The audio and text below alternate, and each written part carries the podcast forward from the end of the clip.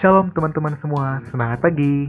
Walaupun pagi, siang, malam, kita semua harus semangat pagi. Gimana nih kabarnya?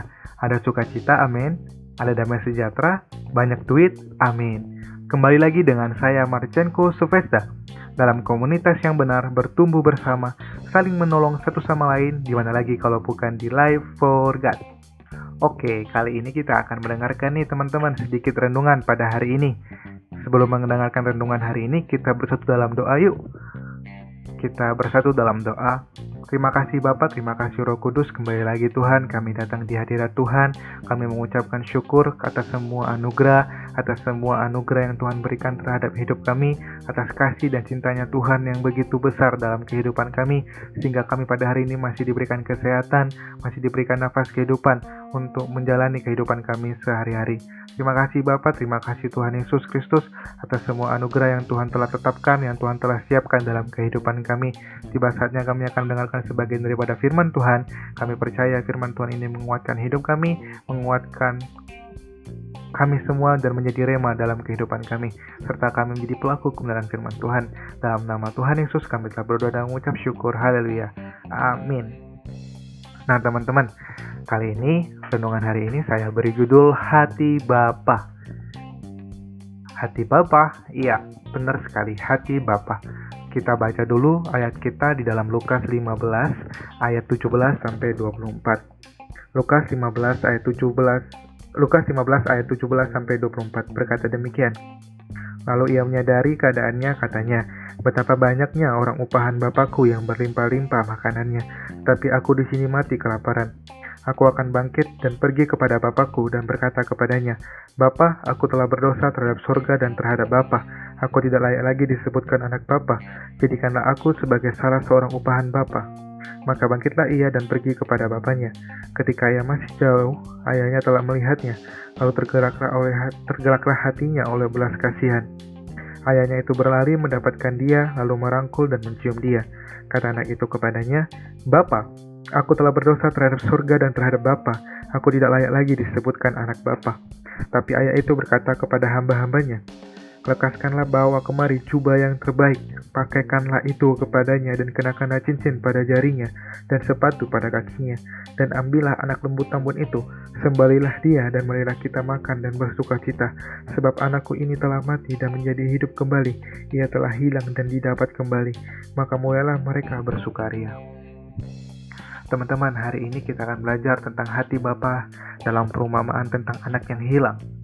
Jadi ceritanya seorang jadi ceritanya itu ketika seorang anak bungsu ini meminta kepada bapaknya harta warisan dia. Padahal jika dikaitkan ya bahwa harta warisan itu ketika orang telah tiada. Dan anak bungsu ini memintanya seperti itu. Ketika ia memintanya ia menggunakan bahkan mensalahgunakan dari berkat yang telah ia terima dari bapaknya sehingga hidupnya berfoya-foya bahkan ia pergi ke negeri lain ia bermain dengan pelacur-pelacur dan ia menghabiskan bahkan berfoya-foya hidupnya akhirnya ketika ia udah sadar bahwa dirinya telah menghabiskan semuanya, ia jatuh dan ketika ia jatuh ya ditinggalkan teman-temannya. Ketika ia tidak ada uang lagi, ia bahkan sengsara, bahkan hidup sekarat sehingga ia harus bekerja kepada seorang majikan yang di mana mempunyai uh, hewan babi gitu kan. Nah, tetapi ketika ia saking lapar, suatu ketika ia lapar, ia bahkan uh, ingin memakan makanan dari babi itu. Tapi ketika ia makan dari babi itu ya teringat kembali dengan rumahnya, dengan halaman rumahnya, bahwasannya pembantu-pembantunya atau uh, bawahan dia pada saat dia di rumahnya dahulu itu makan aja berkelimpahan sehingga ia kembali lagi ke rumahnya bahkan ia teringat kalau misalnya aku di sini mati kelaparan sedangkan pembantu-pembantuku makanan yang berlimpah, kenapa aku tidak kembali seperti itu kan? Makanya dia kembali dan ketika kembali uh, dia tidak berpikir bahwasannya bapaknya menolak, tapi ia kembali dengan catatan bahwasannya dia ingin bekerja sebagai pembantu terhadap bapaknya seperti itu. Dan ketika ia kembali, bapaknya dari jauh udah melihat, akhirnya dipeluk bahkan disayang sangat sayang terhadap anaknya ini. Ia tidak marah bahkan hal yang tak terduga, ia tidak membuang anaknya ya tidak marah-marahin anaknya tapi ia merangkul bahkan menyayangi anaknya tersebut seorang anak teman-teman pastilah akan diberi apa pun juga yang dia minta kepada papanya kepada papanya. Kalau misalnya ada yang diinginkan oleh anak tersebut pastilah papanya akan berusaha untuk mengabulkannya seperti itu ya teman-teman. Lebih lagi Tuhan kita namanya Tuhan Yesus. Tuhan Yesus sangat sayang sama kamu. Dia akan menerima kamu apa adanya Gak peduli seberapa besar dosa kamu, gak peduli seberapa sengsaranya hidup kamu akibat dosa itu, dia, Tuhan Yesus akan terus menyayangi kamu apa adanya. Bahkan Tuhan Yesus sendiri loh yang datang ke dunia untuk menebus kita semua. Seharusnya pantaskah kita dat pantaskah Tuhan datang seorang uh, Tuhan datang ke dunia jika tidak ada keperluan lain? Artinya apa? Keperluannya ialah ia membebaskan kamu dan aku dari dosamu dan dosaku. Teman-teman, apa yang dapat kita pelajari pada dari seorang anak bungsu yang telah menghamburkan segala harta yang dimiliki oleh bapaknya? Anak bungsu ini meminta kepadanya untuk diberikan harta yang jadi warisannya dia.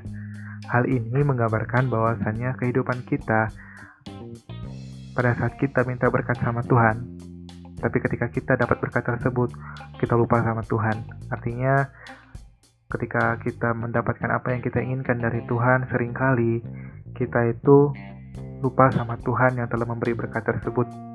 Seringkali kita datang sama Tuhan, itu ada apanya. Artinya apa? Mungkin pada saat hatimu susah, hatimu sakit, kamu diputusin pacar, ada orang yang fitnah sama kamu, ternyata nggak sedikit dari kita yang salahin Tuhan. Artinya kita minta Tuhan, minta untuk disembuhkan, minta untuk diberikan kebebasan, tapi kita mintanya sama Tuhan pada saat kita perlu aja. Padahal ketika kita datang sama Tuhan, Tuhan terima kita mau baik kita mau keluh kesah kita Tuhan telah terima baik dan buruknya kita seperti itu. Nah padahal eh, dalam Tuhan juga sendiri ketika kita berantakan hidup kita, kita sering kali kita menyalahkan Tuhan. Padahal Tuhan gak pernah salah. Tuhan gak pernah memberikan batu kepada anaknya yang meminta roti atau memberi ular kepada anaknya yang meminta ikan, teman-teman. Jadi kita harus ubah mindset kita bahwasannya segala sesuatu yang baik atau buruknya yang diizinkan Tuhan terjadi atas hidupmu dan hidupku. Sehingga pada saat kamu berada pada saat masalah kamu, sadarkan dirimu bahwasannya Tuhan itu baik. Tuhan sangat sayang sama aku. Bahkan kamu dapat menyanyi lagu seperti ini. Tenanglah kini hatiku, Tuhan memimpin jalanku di setiap saat hidupku. Tetap ku rasakan tangannya. Teman-teman, pada saat kamu menderita, pada saat kamu sedang ada masalah, katakan dalam hatimu, taruh tanganmu di dada dan katakan bahwasanya Tuhan itu baik, Tuhan sangat sayang sama aku. Dan kamu bisa menenangkan diri kamu dengan dengan bernyanyi lagu yang tadi tentang laki ini hatiku, tentang laki ini hatiku, Tuhan telah menolong, telah menolong hidupku, Tuhan telah memampukan aku. Teman-teman, hari hari ini perumpamaan ini menggambarkan apa sih dalam hidup kita? menggambarkan bahwasannya hati Bapa sangat peduli terhadap hidupmu dan hidupku. Hari ini kita akan belajar bagaimana sih hati Bapa terhadap aku. Satu, sekalipun kamu berdosa, Bapa tidak membuang kamu. Saya ulangi, sekalipun kamu berdosa, Bapa tidak membuang kamu. Artinya apa? Ketika kita berdosa sekalipun bahwa dan kita telah jauh dari hadapan Tuhan, tapi Tuhan menunggu di ujung sana untuk melihat bahwasannya anaknya mau kembali, bahwasannya ketika anaknya kembali, ia akan mengejar anak tersebut dan memberikan kasih sayang yang begitu luar biasanya, yang tidak dapat didefinisikan apa pun kepada dirimu, teman-teman. Kalau misalnya hidupmu dan hidupku kita berdosa, mari kita kembali lagi sama Tuhan. Bagaimana hati Bapa terhadap aku yang pertama, sekalipun kamu berdosa, Bapa tidak membuang kamu. Yang kedua, Walau dalam lembah kelam, Bapa tidak meninggalkan kamu. Artinya apa? Ketika kamu dalam masa-masa di mana Tuhan izinkan masalah terjadi dalam hidupmu, pergumulan kamu, pergumulan keluargamu, pergumulan hidup kamu, sakit penyakit, Tuhan tidak pernah meninggalkan kamu. Bahkan di saat ketika kamu kembali lagi sama Tuhan. Dikatakan di ayat 22 ini, tapi ayah itu berkata kepada hamba-hambanya, lekaskanlah bawa kemari jubah yang terbaik, pakaikanlah itu kepadanya dan kenakanlah cincin pada jarinya dan sepatu sepatu pada kakinya. Walaupun kamu dalam beban hidupmu yang begitu berat, tapi Bapa tidak akan pernah meninggalkan kamu teman-teman. Ketika kamu kembali lagi kepada Bapamu, ia akan memberikan kamu semua harta yang telah yang ia punya, semua yang terbaik. Terbaik itu artinya di atas dari baik, di atas dari bagus gitu kan. Nah, jadi dia itu yang paling atas gitu teman-teman, terbaik, paling bagus, paling baik gitu yang diberikan kepada kamu. Jadi bagaimana hati Bapak terhadap aku? Yang pertama, sekalipun kamu berdosa, Bapak tidak membuang kamu. Yang kedua, walau dalam lembah kelam, Bapak tidak meninggalkan kamu. Yang ketiga, di saat kamu tidak berdaya, Bapak menopang kamu. Artinya apa teman-teman? Ketika kamu jatuh dalam dosa, ketika kamu berada dalam pergumulan yang saat ini kamu alami dan mungkin Roh Kudus akan gerakan hati kamu untuk berkata, "Aku perlu Tuhan, aku butuh Tuhan, aku akan kembali ke hadapan Tuhan." Ketika aku mengaku dosaku, Tuhan itu adalah setia dan adil. Maka Tuhan sangat sayang aku sehingga aku sangat berharga di mata Tuhan. Jangan terintimidasi dengan perkataan iblis yang bahwasanya ketika kamu berdosa, kamu akan mengulangi dosa kamu itu lagi. Ngapain kamu kembali lagi sama Tuhan? Ah, nggak perlu gitu kan. Nggak perlu lagi kembali sama Tuhan. Teman-teman, saya mau katakan, kembali lagi sama Tuhan itu sangat perlu. Ketika kamu dikatakan seperti itu, katakan sama iblis, Hai iblis, aku tahu bahwa akhir hidupmu, Tuhan memasukkan kamu ke neraka. Hari ini aku akan kembali kepada Bapakku, dan Bapakku akan menerima aku dan mengampuni hidupku. Teman-teman seperti itu, bangkitkan iman teman-teman. Tiga hal yang saya mau katakan, saya akan membagikan pada teman-teman bagaimana hati Bapak terhadap aku. Yang pertama, sekalipun kamu berdosa, Bapak tidak membuang kamu. Yang kedua, walau dalam lembah kelam, Bapak tidak meninggalkan kamu. Yang ketiga, di saat kamu tidak berdaya, Bapak menopang kamu. Maju terus ya dalam Tuhan. Semangat baru, jangan putus asa ya. Shalom. Kita tutup dalam doa yuk. Terima kasih Bapak, terima kasih Tuhan Yesus kami telah mendengarkan sebagian daripada firman Tuhan.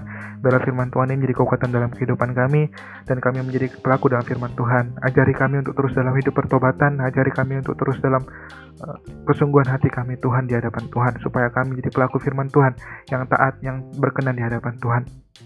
Bahkan kami mau lanjutkan aktivitas kami hari ini. Berkatilah hari ini Tuhan, apa pun yang terjadi dalam hidup kami, kami serahkan semuanya untuk serta merta kemuliaan nama Tuhan. Dalam nama Tuhan Yesus kami telah berdoa dan mengucap syukur. Haleluya. Amin. Bye-bye teman-teman.